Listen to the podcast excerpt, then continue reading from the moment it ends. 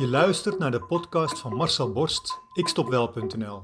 Hoe je heel eenvoudig kunt stoppen met roken.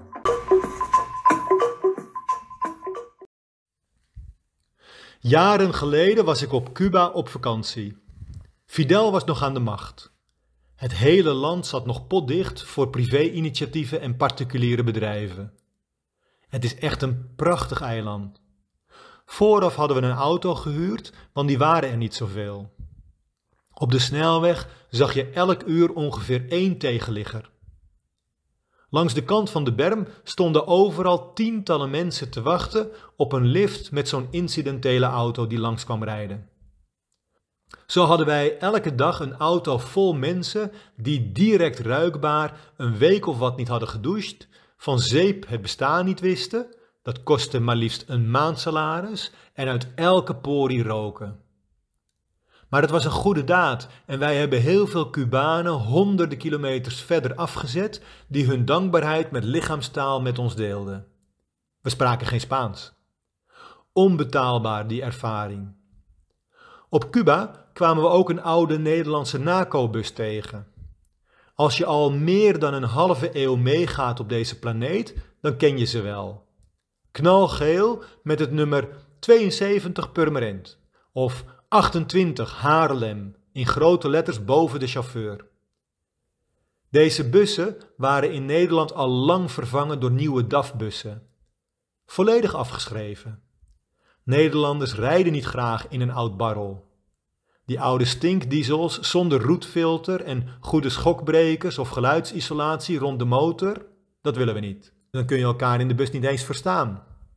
Nu rijden ze dus allemaal op Cuba en de mensen daar vinden het heel luxe en zijn er blij mee. Het is maar vanuit welke perceptie je naar een probleem kijkt.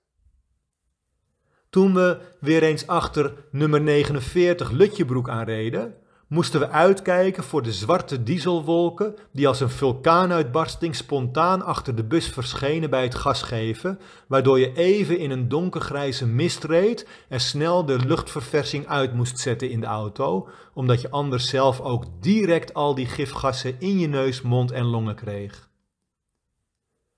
Ik moest hier vanochtend aan denken op een terras in Sevilla. Ik ben bijna klaar met de renovatie van mijn woning. We hebben nogal wat tegenslag gehad en zijn daardoor nog lang niet terug verhuisd. Dat gaat hopelijk volgende week gebeuren. Eén weekje vakantie is na drie keer uitstellen en na anderhalf jaar wel heel erg welkom. Ik zit dus op dat terras en er komen twee scooters voorbij rijden. Ik hou mijn adem in. Dat is een standaardreactie door jarenlange ervaring in Amsterdam om vervolgens verrast te zijn dat er dit keer geen stinkende uitlaatgassen worden verspreid in de directe omgeving. Elektrische scooters. Wat een vooruitgang. Maar dan zie ik ook iets anders. Een Spaanse dame zit tegenover me aan het tafeltje. Piekfijn geknipt en gefeund. Een prachtige bloemetjesjurk tot op de knietjes, een donkerbruin gezicht van jarenlang Spaanse zon en een zigeuneruitstraling tot in alle details. Een prachtige vrouw om te zien. Totdat. Totdat ze opstaat en een sigaret in haar bek steekt. Ze zuigt eraan alsof haar leven ervan afhangt en ze loopt weg van het terras. Terwijl ze nog even omkijkt, zie ik het beeld compleet veranderen. Van een prachtige mooie vrouw met uitstraling is het opeens een zielig hoopje mens met een vreselijke lelijke sigaret tussen de lippen. Giftige grijsbruine rook komt uit alle gaten van haar rokende kop. De rook reageert direct op de verse zuurstof in de lucht door te veranderen in een gifbruine kleur, terwijl die dodelijke rook zich langzaam mijn kant op beweegt. Dezelfde rook die voor het grootste deel haar inmiddels waarschijnlijk net zo bruine longen als haar gezichtskleur is ingezogen.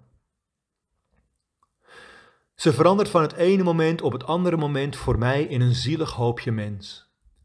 Als ze eens wist hoe gemakkelijk het was om daar vanaf te komen. Als ze eens wist hoe snel het lichaam zichzelf weer reinigt en geneest in de dagen, weken, maanden daarna. Als ze eens wist hoeveel extra levensgeluk ze dan zou hebben. Als ze eens wist hoe mooi ze dan voor haar omgeving zou zijn, hoe aantrekkelijk. Ze deed me denken aan die oude NACO-bus op Cuba. Hoe kijk jij naar rokers om je heen? Ik adviseer je om eens je fantasie te gebruiken. Probeer het maar eens, zoals ik het zie. Je zult al heel snel merken dat je zomaar minder gaat roken en dan op een dag zomaar bent gestopt. Zomaar. Als je dat liever snel en gemakkelijk doet, als je graag met mijn hulp, net als al die andere duizenden rokers hebben gedaan, in één keer van het roken af wilt, ga dan naar mijn website en schrijf je in voor het gratis webinar of voor mijn online programma. Wil jij ook stoppen met roken? Wil jij jouw rokende collega's van het roken afhelpen? Kijk dan op mijn website ikstopwel.nl en neem contact met mij op.